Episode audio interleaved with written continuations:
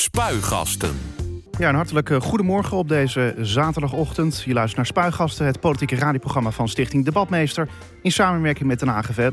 En tot 12 uur neem ik de afgelopen politieke week door. En dat doe ik ook met mijn gast. Vandaag met oud Tweede Kamerlid Hand en Broeke van de VVD... die tegenwoordig in de directie van de politieke denktank...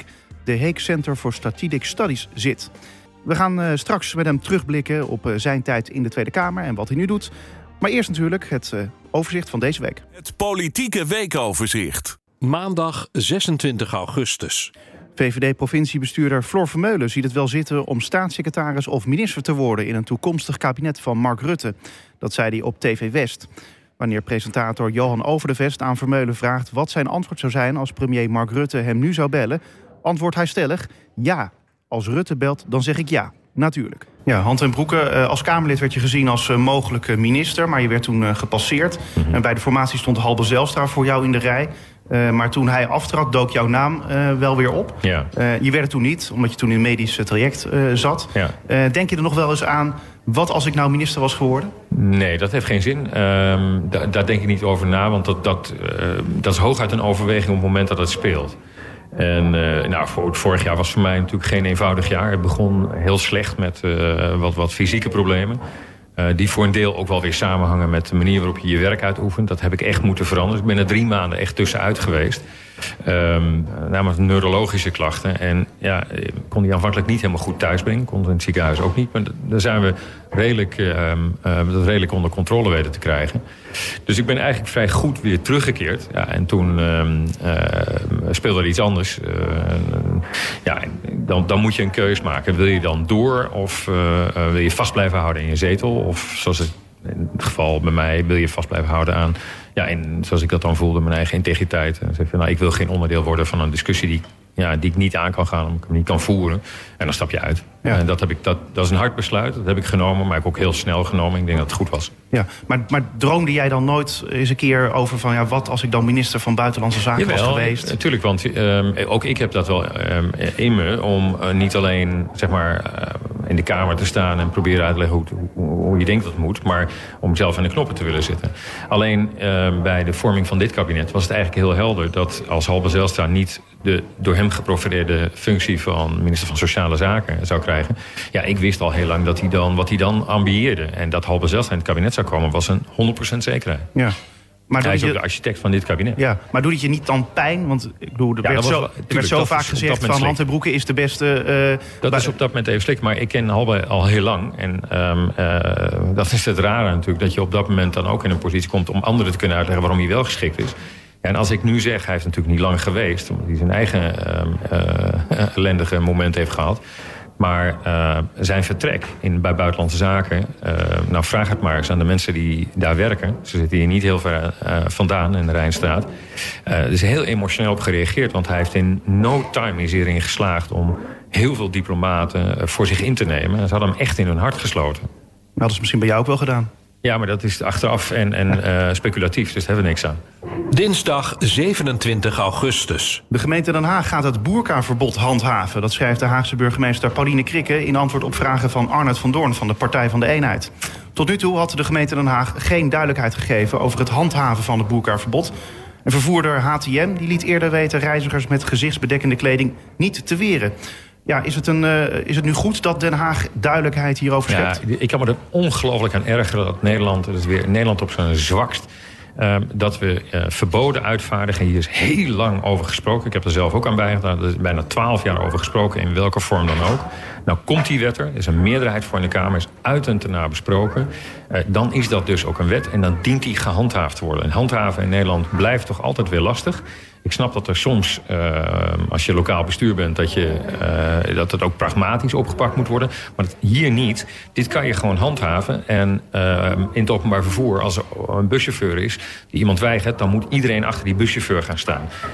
Boerka's hebben geen plek in Nederland, wat mij betreft. Het is een um, aantasting van uh, hoe wij hier met elkaar leven. Uh, dat is open. Dat is noodzakelijk om het vertrouwen in een samenleving niet te laten eroderen. Dat vertrouwen staat al onder druk. Het is niet dat er extreem veel boerka's in Nederland zijn. Maar dat moet ook niet gebeuren. Want elke uitzondering uh, is er wat mij betreft één te veel. Het is in strijd met uh, alle beginselen en de uitgangspunten van een vrije liberale samenleving. Daar is heel veel um, uh, voor ja, geknokt en gevochten. Dat hebben we hier in dit deel van de wereld hebben we dat voor elkaar. Um, daarom is dit deel van de wereld ook zo ja, jaloersmakend voor de rest van de wereld. Uh, er zijn maar heel weinig mensen die van hier naar elders willen anders dan voor vakantie. En omgekeerd gebeurt dat wel. kom je hier, Um, dan dien je aan de spelregels en ook de fatsoensregels van de openbaar, open samenleving die we met elkaar hebben te houden. En een boerka hoort daar absoluut niet bij. Ik, uh, als, als er niet gehandhaafd wordt op dit overigens maar zeer beperkte boerkaverbod. Het zou hier bijvoorbeeld moeten zijn gehandhaafd. Nou, we zitten nu in een bibliotheek, dat is een openbare ruimte. Um, als, als dat dan niet kan, dan moet er misschien maar een, een volledige boerkaverbod uh, komen. Dan, of, Nou ja, je misschien- handhaaft, misschien- of je handhaaft, of, um, uh, of, of niet. En als het niet is, dan moet er, een, uh, moet er duidelijkheid Maar komen. dit, dit geeft toch juist aan eh, dat er zoveel discussie over is in gemeenten, bij eh, nou ja, vervoerders, maar ook eh, ja, dat, dat, dat eigenlijk niemand precies weet van ja, wanneer en, en hoe eh, moet je nou iemand. eh, Ja, ja, kijk, Nederland heeft wel meer wetgeving die even, waarbij het even lastig is, omdat het voor een deel. Uh, het is niet zeg maar, we vinken even een, een, een paar hokjes af en dan weten we het. Uh, dus soms moet dat ook in het spel van tussen uh, autoriteiten en gezagshandhavers en burgers moet dat uh, tot stand komen. Maar hier is dat niet het geval. Dit is een hele heldere lijn. En dat is in openbaar, op openbare plekken. Daar moeten we het vertrouwen in elkaar blijven houden. Dat vertrouwen staat, zeg maar, in, in, staat onder druk. Mensen lezen, zien en helaas ervaren Nederlandse burgers ook dat er aanslagen plaatsvinden. Uh, dat er uh, terreur plaatsvindt, dat er intimidatie uh, plaatsvindt. Daarvoor is het noodzakelijk dat we elkaar kunnen aankijken, dat we elkaars gezicht kunnen zien. Iedereen voelt zich onheimisch en, en, en niet veilig op het moment dat je een ander niet kunt zien. Als jij hier met een integraal helm mij zou interviewen, dan zou ik dat ook niet prettig vinden. En als je binnenkomt s'avonds laat bij een tankstation, dan willen we dat echt niet hebben. Uh, nou ja, je kunt je ook soms afvragen. Uh, mensen met een bivakmuts, ja, anders dan dat het 30 graden onder nul is. Uh, dan is daar een praktische reden voor. Nou, zelfs dat niet misschien hoor. Maar goed. Maar, dus daarvoor is er een, een, een verbod dat op bepaalde plekken gehandhaafd dient te worden. Dan moet dat ook gehandhaafd worden. Anders erodeert um, de, de overheid zelf het principe dat noodzakelijk is om bijvoorbeeld ook het vertrouwen in die overheid ja. overeind te houden. Maar uh, ga maar iemand op straat uitleggen dat bijvoorbeeld de demonstratie tegen het boerkaverbod, wat hier op het Malieveld uh, werd gehouden. Mm. overigens twee demonstraties zijn er gezien, geweest al. Er langs. En, en daar geeft dan de burgemeester wel weer toestemming om daar in boerka te verschijnen. Ja, maar iemand met een bivakmuts, die wordt aangehouden en meegenomen naar het bureau. Omdat, omdat in de context waar dat gebeurde, kan ik me dat nog wel voorstellen. Het was op een, op, op een plek waar veel politie bij is. het was afgezet. Um, het was beperkt, ge, ge, gelokaliseerd, zal ik maar zeggen. Uh, daar kan ik me nauwelijks uh, voorstellen dat als je daar langs rijdt... zoals ik bijvoorbeeld zelf toen die, die middag, dat was vrijdagmiddag geloof ik... ik reed toen weer terug naar Twente... Um, dat je je daardoor bedreigd of geïntimideerd voelt... of dat je je onveilig voelt in de, in de, open, in de open ruimte, in de publieke ruimte. het is de helder waar die mensen op uit zijn. Maar daarbuiten is er nu een norm. Die norm is um, in openbare ruimtes geen gezichtsbedekking... Die norm dient te worden gehandhaafd. Gehandhaafd is helemaal niet moeilijk. Oké, okay, dus jij vindt het eigenlijk wel een duidelijke wet? Ja, ik, het is een heldere wet. En uh, als, hij, als hij wat verder was gegaan, dan was ik er ook voor geweest. Woensdag 28 augustus. Vuilnis op straat leidt in Den Haag tot een politieke afvaloorlog. Collegepartij Hart voor Den Haag Groep de Mos is een petitie gestart... waarin de partij GroenLinks-wethouder Lisbeth van Tongeren oproept... om de afvalcontainers vaker te legen. Coalitiegenoot GroenLinks is ronduit verbaasd over de actie. De partij vindt dat Groep de Mos het probleem afschuift... terwijl de eigen wethouder, Richard de Mos, verantwoordelijk is... voor het tegengaan van zwerfafval. Het is wel een beetje uh, erg doorzichtig dit allemaal, toch? Dit uh, politieke spelletje, vind je niet? Nou ja, het zijn allebei politici die mij na aan het hart gaan. Uh, zowel Richard als, uh, als, als Lisbeth. En volgens mij zijn ze prima in staat het op een goede manier op te lossen. Uh, zodanig dat Den Haag er beter van wordt en hun eigen achterban het begrijpen. Dus ik, uh, ik vind het een mooi spel. Ja, gebeurt dit op Binnenhof ook? Maar misschien, misschien wel aardig om daar eens een keer... Uh, laat ik daar eens een internationaal voorbeeld bij geven. Um, een paar jaar geleden was ik in Libanon. En um, uh, Beirut. En, en, Libanon is een land met... Nou ja, er zijn 4 miljoen inwoners en er zijn een, een miljoen vluchtelingen. En daar, daar kijken wij naar. En dan wordt er hier in Nederland heel vaak gezegd van... Nou, gigantisch. En stel je dat wij hier in de Randstad bijvoorbeeld 1 miljoen vluchtelingen zouden moeten opnemen... dan zouden we, uh, dat zou onwrichtend werken op de samenleving. Maar de grap was, toen ik er was ehm, en daar met een aantal ministers sprak en politici... en dus dat probleem ook probeerde in kaart te brengen... toen zeiden ze, eigenlijk is het echt een probleem wat we hebben... is de, de, de vuilophaal. Uh, Libanon is een hele aparte um, politieke constellatie tussen Maronieten, dat zijn dan christenen, uh, Soenieten en Shiiten. En die hebben op een hele grappige manier hebben ze, geprobeerd het evenwicht te bewaren.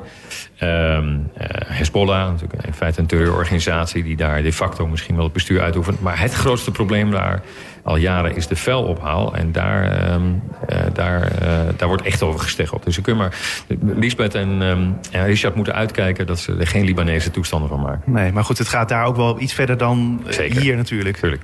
Ja, dus daarom moeten we ons ook maar weer geluk, gelukkig prijzen dat het hier in Nederland is. Alles is relatief. Uh, ja, dat is een beetje een flauwe discussie zo aan het begin van de uh, conclusie zo aan het begin van, de, van het gesprek. We gaan gauw verder. Ja. Donderdag 29 augustus. VVD Tweede Kamerlid uh, Arno Rutte verlaat medio oktober de politiek omdat hij geen goede balans meer kan vinden tussen werk en privé. Rutte gaat in de zorgsector aan de slag als consultant bij Ventura, waar hij de afgelopen jaren in de Kamer ook het woord over voerde. Snap je zijn keuze? Ja, ik snap het heel goed. En uh, ik heb er zelf ook wel eens uh, over, over, nagedacht. En uh, ja, kijk, de politiek is een, is, is, een bijzonder hard vak... waarbij je um, heel erg nodig hebt dat je een thuisfront hebt dat je steunt. En um, dat, dat klinkt wat ouderwets. maar het is voor thuisfront ongelooflijk zwaar... om telkens weer te moeten accepteren... dat er altijd één is die op de eerste plek komt. En dat is de politiek. Hè. Dat wordt niet voor niks een gretige minnaar genoemd. Of minnares, afhankelijk van hoe je tegenin zit. Um, ik, ik zelf ben uh, halverwege mijn politieke carrière ben ik ook gescheiden van mijn toenmalige vrouw. Ik zal niet zeggen dat de politiek daar de oorzaak voor was, maar het was wel een katalysator. En um, nou, Arno kiest voor um, zijn gezin en ook een andere manier uh, om, om zijn leven in te vullen. Hij is zeven acht jaar lang is hij echt een van de meest geweldige Kamerleden geweest. Op hele grote portefeuilles, met name de gezondheidszorg heeft hij natuurlijk, uh, is hij herkenbaar op geweest. Uh, ik heb hem in de fractie meegemaakt. Iemand met hele sterke overtuiging. Iemand die waanzinnig goed kon debatteren. Het is een verlies voor de Tweede Kamer dat hij weggaat. Maar soms moet je ook aan jezelf denken. Want we zijn uiteindelijk allemaal personen. Ik weet dat als geen ander vorig jaar natuurlijk... zoals ik zelf een jaar heb meegemaakt... dat je ja, toch even op jezelf wordt teruggeworpen. En ik hoop dat, die, uh, um, ja, dat, dat deze keus niet alleen een goede keus voor hem en zijn gezin is... Uh, maar dat hij daarna ook weer gewoon een, een prachtige toekomst tegemoet gaat. Maar het is toch ook hoe je het politieke leven zelf invult? Want je kunt overal ja tegen zeggen, nee. uh, interviews, et cetera. De meest gedisciplineerde mensen, en er zijn gelukkig ook heel gedisciplineerde mensen... ik hoor daar zelf niet helemaal bij, maar, zeg maar iemand, iemand, de andere Rutte, hè, Mark Rutte... is iemand die extreem gedisciplineerd is... Um, uh, zelfs voor hen is het soms lastig om, om zeg maar, die nee's in te brengen. Want er is een, er is een eindeloos bombardement aan, aan verzoeken. Uh, social media heeft daar natuurlijk aan bijgedragen. En uh, ja, de, de uh, infrastructuur rondom Kamerleden is bijzonder klein. Is bijzonder dun. medewerker heb je dan één en die werken vaak ook 60, 70 uur. Ja. Voor, voor ja, hele kleine salarissen.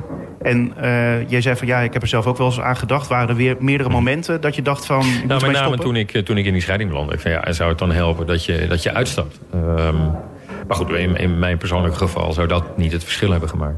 Nee, maar uh, je twijfelde er dus wel over. Natuurlijk, omdat je... Kijk, politiek is iets waar je volledig voor gaat. En heel veel mensen die in de politiek belanden... hebben dat op hele jonge leeftijd al in, in hun hoofd gehad. Geldt ook voor mij. Um, en dan, dan ontstaat er iets wat misschien bij topsporters... en bij anderen ook wel ontstaat... is dat je een soort, um, een soort egocentrisme... Je, je, je gaat helemaal voor die baan... Uh, en uh, ja, is, het is onverzadigbaar. Omdat je kunt altijd meer doen. Je kunt altijd meer uren werken. Uh, je kunt altijd meer lezen. Dus ja, de, de beste zijn de meest gedisciplineerde. Maar hoe hou je het dan in die zin voor jezelf vol? Ik bedoel, wanneer kun je, zijn er van die momenten dat je verstand op nul hebt... of dat je gewoon je telefoon eens kan wegleggen? Nou, ik heb dat dus vorig jaar de hard way moeten leren. Uh, ik heb inderdaad serieus dat ik, dat ik soms één of twee keer per nacht wakker werd. En de eerste instinctieve reactie is dan om nog even op de telefoon te kijken. En soms zelfs in staat ben om dan nog weer drie boodschappen te versturen en dan weer door te slapen. Dat is natuurlijk belachelijk. En dat deed je als Kamerlid ook? Ja, gelukkig nooit uh, hele rare boodschappen. Ik heb wel eens een collega gehad die daar um, uh, wat problemen mee heeft gehad. maar uh, nee, maar dat je even tegen je heb je daaraan gedacht? Heb je dit gelezen? Nou, dat is natuurlijk te gek. Dat is, en dat doe je zelf. Dat hoeft niemand, bedoel, geen, geen klacht aan naar buiten. Dat moet ik, dat, die balans moet je telkens zelf zoeken. Maar dat helpt dan als je een omgeving hebt die je daar, um, ja, die je daar op het rechte pad houdt. Ja, maar we horen natuurlijk veel van mensen die vele uren per week werken en dan ga je echt richting de 80 tot 100 uur zowat in de, in de week.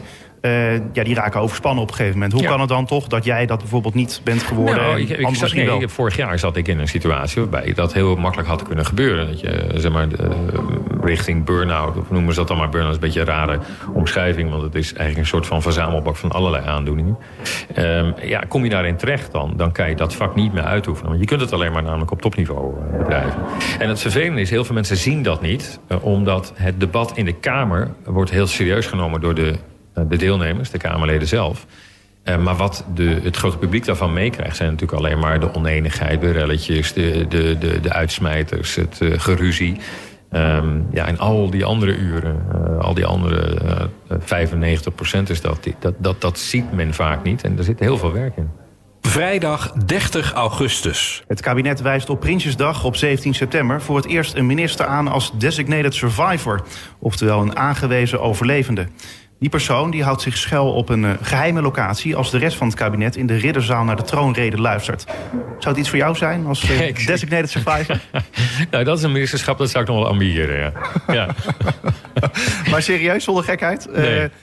Uh, nou ja, volgens mij is het een motie van D66 geweest. Die, uh, uh, die dat, dat, dat zijn natuurlijk, er zitten ook de grootste fans van de series die op ehm, Netflix um, over dit soort onderwerpen worden uitgezonden.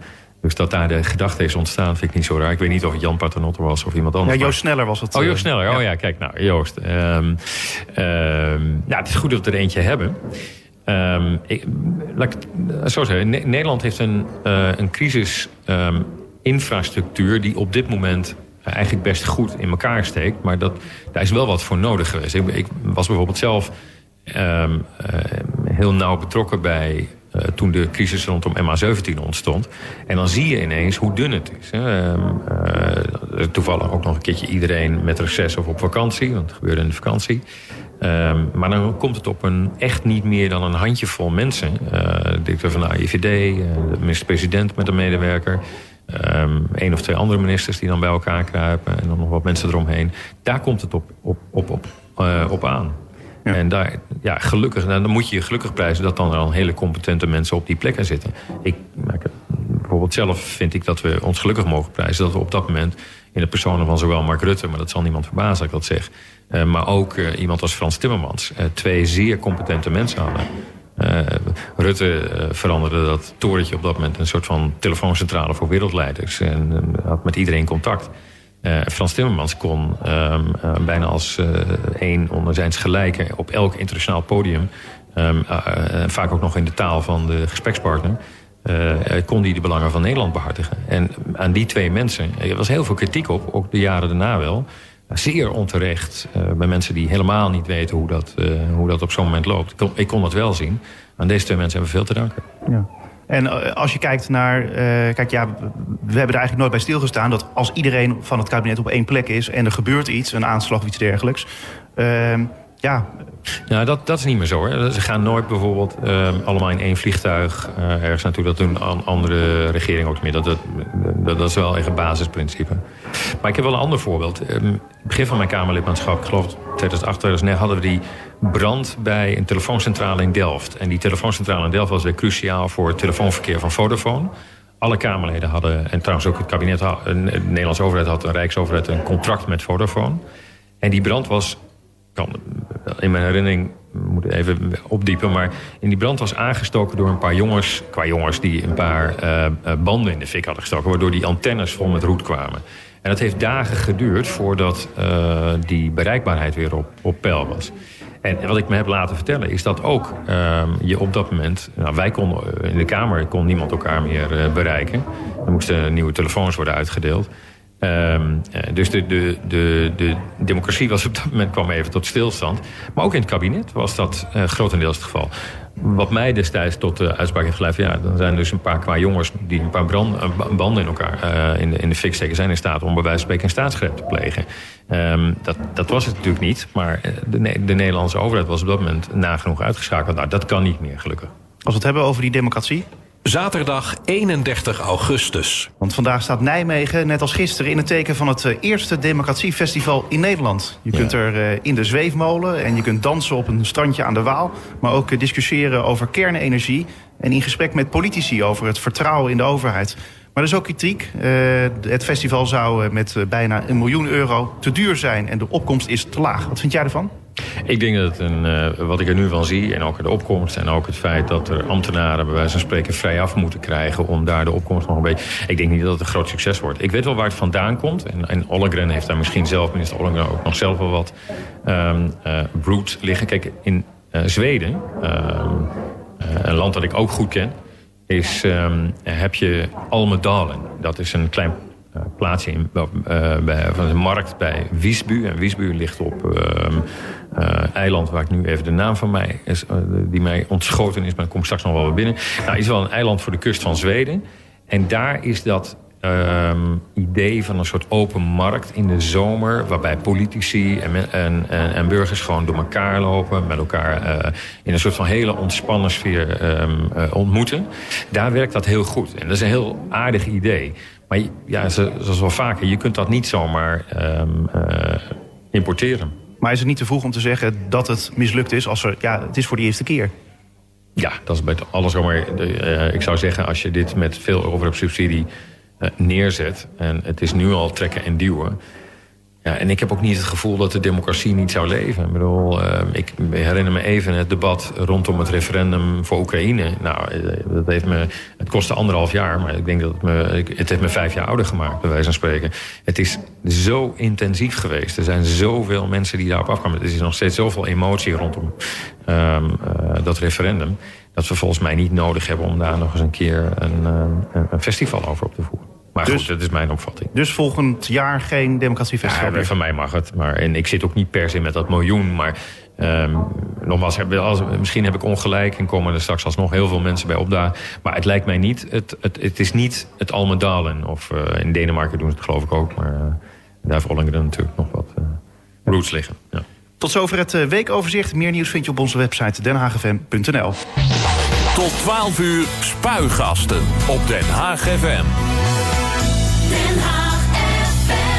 Oud-Tweede Kamerlid uh, Hand en Broeke van de VVD is de gast... die tegenwoordig in de directie van de politieke denktank... de Hague Center for Strategic Studies zit. Precies een jaar geleden uh, stapte hij op vanwege onthullingen in HP De Tijd... over een relatie die hij vijf jaar eerder had met een jongere fractiemedewerkster... Uh, je zei toen, ja, jouw integriteit mag geen onderwerp van discussie worden. Uh, schreef je toen in een, een, verklaring. En daarom legde je toen jouw functie neer. Hoe pijnlijk was nou die periode voor jou? Dat is op dat moment heel pijnlijk. Omdat je een besluit neemt wat eigenlijk indruist tegen alles... Uh, wat je voelt dat rechtvaardig en goed is. Um, uh, en omdat je door wilt met je baan. Maar tegelijkertijd weet ik hoe het werkt. En als je jezelf niet uh, volledig uh, ja, kunt verdedigen... of je kunt niet volledig openheid geven... Ja, dan moet je niet onderdeel willen zijn van op dat moment een, een publieke baan. Um, en zeker niet als die gebaseerd is. En dat was in mijn geval, vond ik althans... Um, ja, op de, het, het, respect wat je hoop ik afdwingt... ook bij politieke opponenten met wie ik moet samenwerken. Was een coalitiepoliticus. Um, uh, op basis van wat je kunt. En uh, natuurlijk ben ik een VVD'er, maar je moet ook met anderen samenwerken. Ik heb in uh, verschillende kabinetten natuurlijk dat je met andere woordvoerders moet samenwerken. Ja, en dan, dan past daar dat niet bij. En dan, je kunt dan gaan modderen en blijven zitten of aan je zetel vastklampen. Maar dat, dat vond ik het niet waar. Maar het, het, was natuurlijk sowieso pijnlijk omdat er dan iets uh, ja, persoonlijks... Mm. dat er iets persoonlijks is waardoor je uiteindelijk die conclusie moet trekken dat je, dat je opstapt. maar ik kan me wel voorstellen dat je heel veel steunbetuigingen krijgt... juist van mensen waarvan je misschien niet eens had verwacht. Ja, dat klopt inderdaad. Um, dat is overweldigend geweest en dat helpt enorm. Ja, dat had ik niet gedacht. Maar is het niet ook hypocriet van mensen Nee. ja, die normaal gesproken je opponent zelf waren? Nu, Heel veel mensen begrijpen, begrijpen niet, eh, is dat nou nodig? En, ehm, maar ja, ik ben ervan overtuigd dat als je het andersom had gedaan... dat je dan eh, nog, eh, ja, dan waren de reacties weer heel anders geweest. En, je- weet je, ehm, achteraf altijd mooi, eh, maar je weet het niet. Ik heb toen op dat moment gedacht... dit is de meest zuivere stap die ik kan nemen. Daarmee hou ik de eer aan mezelf. En dan, dan moet je het ook echt helemaal doen. Nou, dat heb ik gedaan en daarmee heb ik eh, mijn verantwoordelijkheid genomen. En daarmee is het ook af. Want stel, je was niet opgestapt, je had er nog bij wijze van spreken nog steeds gezeten. eh, dan was het voor jou ja, heel anders geweest op Binnenhof. Ja, kijk, dan, dan, dan blijft altijd eh, misschien vraagtekens of wat dan ook. En dat, dat slijt wel op een gegeven moment. Maar ja, ik heb daarvoor voor gekozen om het zo te doen. En dat was op dat moment heel hard. Ehm, maar ja, eh, daarna herpak je het leven. En je moet ook een beetje positief blijven inzien. En ik had geluk dat ik al heel snel bijvoorbeeld weer door de mensen van HCSS werd benaderd. Ik heb ook andere dingen ben ik gaan doen. Ehm, hele verschillende zaken. Die als je me dat vorig jaar om dit tijdstip... Nou, dan zou ik... Op dit tijdstip was helemaal niet goed. Maar zou je me dat ruim een jaar geleden hebben gezegd... dan zou ik je voor gek hebben verklaard. En nu doe ik de leukste dingen. Eh, HCSS is fantastisch leuk. Ook er zo meteen nog iets over kunnen zeggen. Omdat het Haags is. Ehm, althans, de basis ligt in Den Haag. Het is ook heel erg verklonken met Den Haag. Den Haag, hoop ik, is er heel trots op. En heeft in ieder geval alle reden om dat te zijn. Ik zal het zo meteen proberen uit te leggen. Ja. Maar ik doe nog wat andere dingen. Ik doe nog wat dingen in mijn eigen regio. Ik heb een uh, Twentse ondernemers heb ik net een, een heel traject achter de rug... wat um, heel interessant is. En ik ben zelfs uh, met iets uh, bezig waar... Het heeft alles te maken met kunst en um, het, ja, het ethisch... Een, een, op een ethische manier verhandelen van, van, uh, van, van kunst en cultuur en artefacten... die uit oorlogsgebieden komen. Ja, dat is iets wat ik vorig jaar niet zou hebben kunnen bedenken...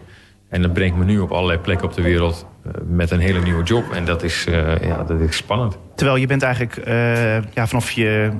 Ja, toen je eigenlijk nog eigenlijk heel jong was, ben je al politiek actief geworden. In ja, 1985 al lid van de VVD. Op ongezond jonge leeftijd, zeg ik ja, Maar dan, dan leef je voor de politiek. En dan nou, toch ineens iets anders doen. Um, politiek bepaalt een heel groot deel van je leven, maar ik leef niet voor de politiek. En als ik dat wel zou doen, zou ik vorig jaar een ander besluit hebben genomen. Nee, dit was ook een manier om je eigen uh, soevereiniteit te bewaren um, uh, en dan weer door te stappen. Want ik, ik ben meer dan de politiek. En uh, ja, maar, dat, maar iedereen weet dat, dat bedoel ik het met, met, met volle passie en overtuiging deed. Ja. Nou, je hebt dan een passie voor politiek, maar ook vooral passie voor het buitenland. Want, ja. uh, en die buitenland portefeuille wordt vaak ook een beetje gezien als de meest prestigieuze uh, portefeuille in de politiek. Uh, werd jij altijd al gegrepen door het buitenland? Ja, nou, ja, hele jonge leeftijd. Uh, dat ik al buitenlandpolitiek volgde, biografieën las van Amerikaanse presidenten. Nou, dat is, uh, maar, maar ook gewoon de internationale politiek echt volgde. En later kwam Europa met name erbij. Uh, dat, dat zit ook echt, ja, zoals we mooi zeggen, under my skin. dus, dus ik heb iets met internationale relaties, de buitenlandpolitiek en, en Europa. En uh, wat is hetgeen dan wat je daar zo in trekt? Bedoel, is, het, is Nederland niet leuk genoeg wat dat betreft? Of zo? Ja, maar Nederland is juist zo internationaal. Het is aardig als je nou Stef Blok, die, die dan nu minister van Buitenlandse Zaken is... en misschien niet helemaal, um, uh, zeg maar, als je zijn politieke carrière kijkt... dan zat hij niet heel erg op die terreinen. Ja, ik weet dan, omdat ik hem vrij goed ken... dat hij wel heel veel las op dat gebied. Hetzelfde geldt ook voor Halbe Zijlstra. Um, maar wat, wat Stef nu uh, bijvoorbeeld tegen mij wil zeggen... Ja, het allerleukste, waar ik ook kom, kom in de wereld... het is altijd zo gaaf om Nederland te vertegenwoordigen... omdat Nederland altijd iets heeft. Er is altijd wel een verhaal wat Nederland bijzonder maakt... in de ogen van je gesprekspartner. Ja, dat, deep down weten wij dat zelf ook wel. Um, we zijn natuurlijk best een trots landje. Al laten we hebben soms wat, wat aparte manieren om dat te laten blijken... Uh, maar waar je ook in de wereld komt, um, het, het, het, is zelden zo dat men niet geïnteresseerd is in een Nederland uh, of in een Nederlands verhaal. Wat, wat uh, had je nou nog willen bereiken eigenlijk als politicus? Want je bent natuurlijk eerder gestopt dan dat je eigenlijk had willen stoppen. Mm -hmm. welke klus heb je nou niet af kunnen maken? Nou, wat ik, wat ik heel jammer vond, ik ben bijna tien jaar heb ik het debat rondom de uh, private beveiliging van onze uh, kopvaardijschepen. Dat is echt de Achilleshiel van de Nederlandse economie. Uh, je kunt terug naar Michiel de Ruiter, bij wijze van spreken. Nog steeds ontzettend belangrijk. Denk nu ook aan de Golf van Hormuz, waar die schepen er zitten niet zo heel veel Nederlandse schepen meer onder de Nederlandse vlag. Dat heeft alles te maken met het feit dat ze ook niet meer overal uh, door Nederlanders beveiligd kunnen worden. Maar goed, heel veel Nederlandse koopwaar komt door de uh, staat van Hormuz of andere uh, zeeroutes. Ja, en die moeten dat veilig kunnen doen. Nou, dat kan niet meer op alle plekken ter wereld. En daar moet er dus bescherming komen. Die bescherming wordt normaal gesproken door mariniers geboden. Maar die mariniers kunnen dat niet overal doen. Dat is een Nederlandse krijgsmacht gewoon niet toe in staat. En dat is ook niet nodig. Want ja, nou goed, op de volle zee kun je de politie niet bellen. Dus daar kan je ook dan uh, vormen van particuliere bewaking bij. Daar was ik voor. Dat, dat is een discussie, heeft in Dienland tien jaar geduurd. was nooit een meerderheid voor te krijgen. ik heb alles geprobeerd om dat voor elkaar te krijgen. In kabinetten, met uh, paragrafen en regeerakkoorden... Uh, met, met uh, politieke tegenstanders. Lukte nooit. Op een gegeven moment zei ik, ja, maar dan moet ik het zelf doen. Dan moet ik zelf het initiatief nemen om die wet dan maar erdoor te krijgen. Nou heb ik Raymond Knops van het CDA. Die moest echt daar wel een, ja, die echt wel een, een draai maken daarop. Die was er ook voor. Samen met Raymond Knops heb ik dat ingezet. Nou, Raymond ging naar het kabinet. Ik ging uit de Kamer. Dus dat hebben we niet kunnen afmaken. Nee. Dus ik heb uiteindelijk heb ik in de Eerste Kamer op de publieke tribune gezeten... toen die wet van ons, um, uh, zo voelt dat ook. Dat is echt een kindje, want daar ben je jaren mee bezig. Uh, toen die werd aangenomen. Dat is een trots moment. Maar dat wil je natuurlijk het liefst zelf doen. Ja, en, en hoe ging je daar toen mee om? Nou, ik heb daarna gewoon, ben ik met de medewerkers hebben we een biertje gedronken. ja. Nee, het is niet dat, dat er een traan over je wang nee, liep? Nee, nee, nee. nee. Daar, oh. daar heb ik geen traan over gelaten. Nee. nee. En uh, dat is dan iets wat uiteindelijk dan wel uh, gelukt is. Uh, maar dat had je dus zelf willen, willen afmaken. Zijn Tuurlijk, er dan in die zin, ja. Ja. als je dan nu naar de politiek kijkt... waarvan je dan denkt van ja, had ik daar nou maar gezeten... dan had ik ze even de les kunnen lezen? Nou, daar ben ik heel voorzichtig mee. Omdat, uh, kijk, ja, natuurlijk denk ik dat wel eens. Uh, tegelijkertijd haal ik ook wel eens mijn schouders over op... en denk van, goh, de, die poeha weer. En oh, wat ben ik blij dat ik vanavond niet uren... op die volgende zinloze stemming hoef te wachten. en het, um, nou ja, het, het, het, dat, dat, er zijn heel veel dingen die ik niet mis... Uh, of veel minder mis dan ik had gedacht. Een aardige uh, Gertjan Segers is een studiegenoot van mij. Uh, ook een, een generatiegenoot. we hebben elkaar met name in de politiek leren kennen. Toen een paar maanden na mijn aftreden een keer met hem koffie dronk... zei hij, nou ik ga je niet vragen wat je mist... want dat weten we allemaal. Ik zei, nou, dat kon je nog wel eens meevallen. Maar wat mis je helemaal niet? Zei, nou, wat ik in ieder geval helemaal niet mis is... en dat komt als je in coalities moet werken... en dat is nou eenmaal wat in Nederlandse politiek moet gebeuren. Daar ben ik ook heel erg voor trouwens. wordt vaak wat negatief over gedaan, maar dat is jammer. Um, maar als je in coalities moet werken, dan ben je ook heel veel bezig om ervoor te zorgen dat dingen niet gebeuren. Of dat iedereen wel aan zijn trekken komt. Of dat iedereen zijn verhaal kan houden. Nou, um, uh, die eindeloze telefooncircuits en um, uh, veel achterschermen, dat, ben ik, dat mis ik uh, geen moment. Nee, ik kan me voorstellen. Dat is, dat is echt vrijheid dat je dat niet meer hoeft te doen. Ja. Het is moeilijk natuurlijk uh, om te spreken van wat als. Dus voor politicus, uh, politici gaan vaak niet in op dat soort vragen. Maar wat was er gebeurd als je nog in de Kamer had gezeten? Was je dan in die zin... Zinloze gedachteoefening. Echt totaal zinloos. Nee, maar in de zin van... Ik denk er zelf ook niet meer zo over. Maar, ik, maar... ik ben echt veel blijer nu met dat nou, HCSS, waar we het nu ja. over gaan hebben. Dat is... Um, kijk, ik... Je hebt in Nederland, heb je, mij gaat internationale politiek aan het hart. En mij ja. gaat veiligheidspolitiek aan het hart. En ik vind dat Europa er op dit moment ongelooflijk naast kleunt. We zijn in een soort bankschroef beland tussen um, allerlei uh, landen en machtsblokken. Inclusief bondgenoten zoals de VS. En dat ligt echt niet alleen aan Trump. Uh, um, Trump is meer een symptoom. Uh, die geopolitiek bedrijven op het scherp van de snede. dat doen wij niet. Um, uh, en dat moeten we wel gaan doen. En dat daar heb ik ook altijd een pleidooi voor gehouden.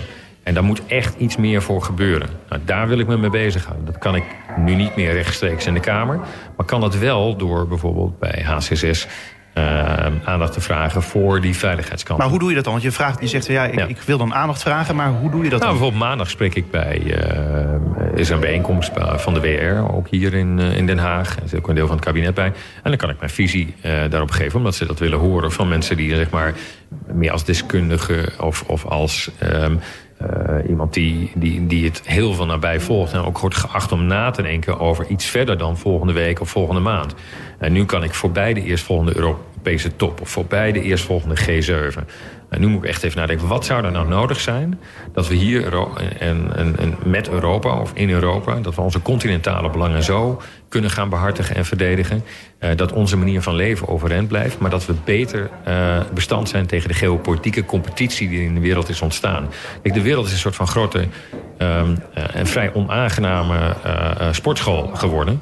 Waarbij um, wij ons voor de spinnersklas aanmelden. Terwijl de rest allemaal met anabolen zit te werken. En dat, dat is een beetje het idee. Nou, ik weet niet, sommige mensen vinden dat prettig. Ik dat minder. Maar Europa zal dus iets moeten doen om meer de spieren te ballen. Mm -hmm. Maar wat moet Europa dan doen? Nou, um, een voorbeeld uh, wat ik je zou kunnen geven is... ik vind dat we meer moeten doen aan onze buitengrensbewaking. En dat zal ook gemilitariseerd moeten. Um, ik vind dat we moeten nadenken om vormen van meerderheidsbesluitvorming mogelijk te maken op die buitenlandpolitiek. Als we bijvoorbeeld sancties opleggen. Uh, uh, het opleggen van sancties zal altijd nog bij 28 of straks 27 moeten gebeuren. Maar het verlengen van sancties zou je wel degelijk bij meerderheid kunnen doen. Uh, kijk nu naar eens wat er gebeurt met de Britten. Die stappen nu uit de EU. Daar zijn ze, althans, daar zijn ze al heel lang mee bezig. En uh, het schijnt te gaan gebeuren straks. schijnt te gaan gebeuren. Maar moet, moet je eens kijken, dat hele grote trotse land... wat, heel, wat zelfs nog een, een zetel in de Veiligheidsraad heeft... die hebben de facto geen buitenlandbeleid meer die kunnen niet meer zelfstandig buitenlandbeleid um, uitoefenen... omdat ze simpelweg uh, zich niet kunnen permitteren... om al die handelsdeals die ze straks moeten sluiten... of het nu met de Amerikanen is, of met Japan... of met China, of met Afrika... of zelfs met hun oude, um, uh, zeg maar hun oude koloniën... Um, daar moeten ze uh, zoveel water in de wijn doen. Ze kunnen zich geen principiële opstelling meer veroorloven. Ze kunnen zich geen machtspolitieke um, uh, opstelling meer veroorloven. Dat kan Europa wel. Alleen, ja, wij vinden dat moeilijk omdat we natuurlijk gefragmentariseerd zijn. Omdat het moeilijk is om met elkaar eens te worden. Nou, ik zeg dan, probeer het dan eens te worden op die niveaus... waar je in ieder geval ervan overtuigd bent dat je je continentale belangen um, gezamenlijk definieert. En die zijn er. We hebben allemaal belang bij dat Europa niet wordt overlopen door migranten. Een soort basisregels, zeg maar. Ja, we hebben er allemaal belang bij dat nu we onze binnengrenzen hebben geopend... dat we onze buitengrenzen gaan sluiten. Um, uh, dat kan niet met de hek, of zoals populisten dat deden. Die komen ook met oplossingen, alleen met, met galmende kreten. Bedoel, als ook een dag regeert, dan weet je ook direct dat het misgaat. Dus dat, dat, dat, dat weten we gelukkig nu zo'n beetje. Maar dat moeten dus de partijen die wel een regeringsmacht dragen... die wel compromissen willen sluiten... Ja, die moeten daar met overtuigende oplossingen gaan komen. De Turkije-deal, hoe modderig en hoe vervelend ook... is zo'n oplossing geweest. Nou is de Turkije-deal niet zomaar te kopiëren... Maar het is wel Europa dat zich geopolitiek uh, profileert. En je kunt de hele wereld met je vingertje um, proberen toe te spreken. Maar de wereld luistert niet meer nee, naar ons. Nee. En, en nou goed, dan geef je dus vanuit het HCSS geef je dan adviezen, ook aan bijvoorbeeld aan de Tweede Kamer. Maar dan zullen er ook mensen denken die luisteren dan. die denken dan misschien van ja, we hebben toch ook het Klingendaal Instituut? Ja, maar uh, Klingendaal en HCSS bijten elkaar ook niet. Ze moeten kunnen naast elkaar ontstaan. Maar zij krijgen subsidie en jullie niet? Nee, wij, nou ja, zij zeggen zelf, geloof ik dat ze ze krijgen wel degelijk ook een vergoeding zeg maar, voor hun publieke activiteiten. Terwijl als, als uh, HCSS'ers, dat heb ik ook even moeten leren, want ik nodig ze ook altijd uit in de Kamer. Maar elke keer als ze daar zaten, moesten ze dat of in vrije tijd doen of op een klant wegschrijven, bij wijze van spreken. Nou goed, dat weet ik dan nu hoe dat werkt, maar het is, ze doen het wel en het hoort ook. Maar het is een, als ik het hier, ik zit, we zitten nu bij de radio, maar je zou kunnen zeggen, Klingendaal is de NOS, die moet ook de norm stellen. En uh, dat is een beetje toch uh, de, de, dicht tegen het, het Rijk aan. Um, en HCSS meer BNR. Wij doen het zelf. We zijn wat pragmatischer en wat operationeler. We kunnen ook heel snel schakelen. we hebben waanzinnig goede mensen. En we hebben één ding, en daar ben ik ongelooflijk... daar wil ik heel graag iets over zeggen. Eén ding waar Den Haag ontzettend trots op moet zijn, volgens mij. Ik in ieder geval wel. En um, steeds meer mensen die ik bij HC6 over de vloer sleur... die, die gaan allemaal, um, zeg maar, ook, ook met vol verbazing en... en um, blijdschap weg. We zijn ongelooflijk ver in het toepassen van big data. Um, ik, in de financiële wereld is het heel normaal dat je je analyses graagt met cijfers en an analyse en data. Sterker nog, de data is vaak het verhaal. Dat vinden we allemaal heel normaal. Dat is ook logisch, want je hebt heel veel objectieve gegevens. De rentestand, um, uh, de prijs van goud, uh, olie, uh, bedrijven die hun jaarcijfers bekendmaken, et cetera. Maar in toenemende mate geeft internet en alles wat op internet gebeurt en, en, en te vinden is... Uh, en, en de rekenkracht van onze computers geeft ons de mogelijkheid om ook in het uh, sociale domein, dus statelijke en non-statelijke actoren, om in beeld te brengen wat die doen. Sterker nog, we kunnen niet voorspellen, maar wel wat wij dan noemen forecasten, um, wat bijvoorbeeld het risico is voor een, um, een terroristische aanslag of uh, geweld als ten gevolge van statelijke of niet-statelijke um, uh, terreur. Um, dus het is fascinerend om dat te zien. En als je bij ons uh, zou langskomen, dan stikt het ook van hele jonge gasten. Ontzettend leuke um, drie, 24-jarige uh, super brainy kids met hun, die binnenkomen met een koptelefoon en dan leven ze in hun Apple laptop bij wijze van spreken. Um, die, die theoretische natuurkunde hebben gestudeerd, maar tegelijk ook een foreign policy en economist lezen. Ja, ik vind het onvoorstelbaar stimulerende omgeving. Ja, uh, laatste vraag, want je moet er zo uh, vandoor. Omdat het nu uh, zo'n, ja, ik zou bijna willen zeggen dat booming business is, omdat de, politieke, uh, de geopolitieke verhoudingen, die, die, dat lijkt sneller dan ooit uh, te gaan en ook belangrijker dan ooit te zijn. Komen er dan ook juist meer van dit soort kennisinstellingen bij, denk ja. jij? Nou ja, die komen erbij. Alleen Nederland heeft een wat zwakke kennis, infrastructuur, zoals we noemen in, in met name Anglo-Saxische landen, maar ook in Duitsland bijvoorbeeld is het, uh, zijn, zijn er veel meer denktanks. Maar die zijn ook vaak politieke wijze natuurlijk onafhankelijk. En dat is heel belangrijk, dat je dat ook behoudt. Um, uh, ik denk alleen dat dat niet onderschat moet worden... dat als je op een verstandige manier je besluiten wilt nemen... en voor Nederland is het buitenland in, in hele hoge mate van belang... voor hoe wij hier uh, kunnen leven, onze economie gaat... onze veiligheid gaat, onze welvaart plaatsen. Ja, dan moet je daar goed over nadenken. Defensie bijvoorbeeld, waar, ik me echt mijn hart aan heb verpand. Het ministerie van Defensie zit zo'n 10 miljard. Ja, die moeten straks heel veel geld uitgeven voor wapensystemen voor lange termijn. En er moet nagedacht worden over bijvoorbeeld artificial intelligence... of uh, um, uh, geautonomiseerde, ge, ge, gerobotiseerde oorlogsvoering. Uh, allemaal vraagstukken die zich over 20, 30 jaar passen... maar waar we nu al aanschaf op moeten doen... waar we nu al keuzes voor moeten maken. Nou, dat doen we bij HCSS. Mooi. Ik wens je daar veel succes verder bij. Dankjewel. En ik hoop dat je nog kom een keer te gast... Uh, precies, ja, uh, dat lijkt me ook kijken. leuk. Ja, en kom. Uh, kom er ook vooral nog eens een keer verder uitgebreid over te vertellen. Vind ik want leuk. ik denk dat het een onderwerp is wat, wat vaker gaat spelen. Uh, Hans dankjewel. Dankjewel, Edward. En dit was uh, Spuigasten voor deze week. Ik zou zeggen bedankt voor het luisteren. En uh, ik zou zeggen tot volgende week.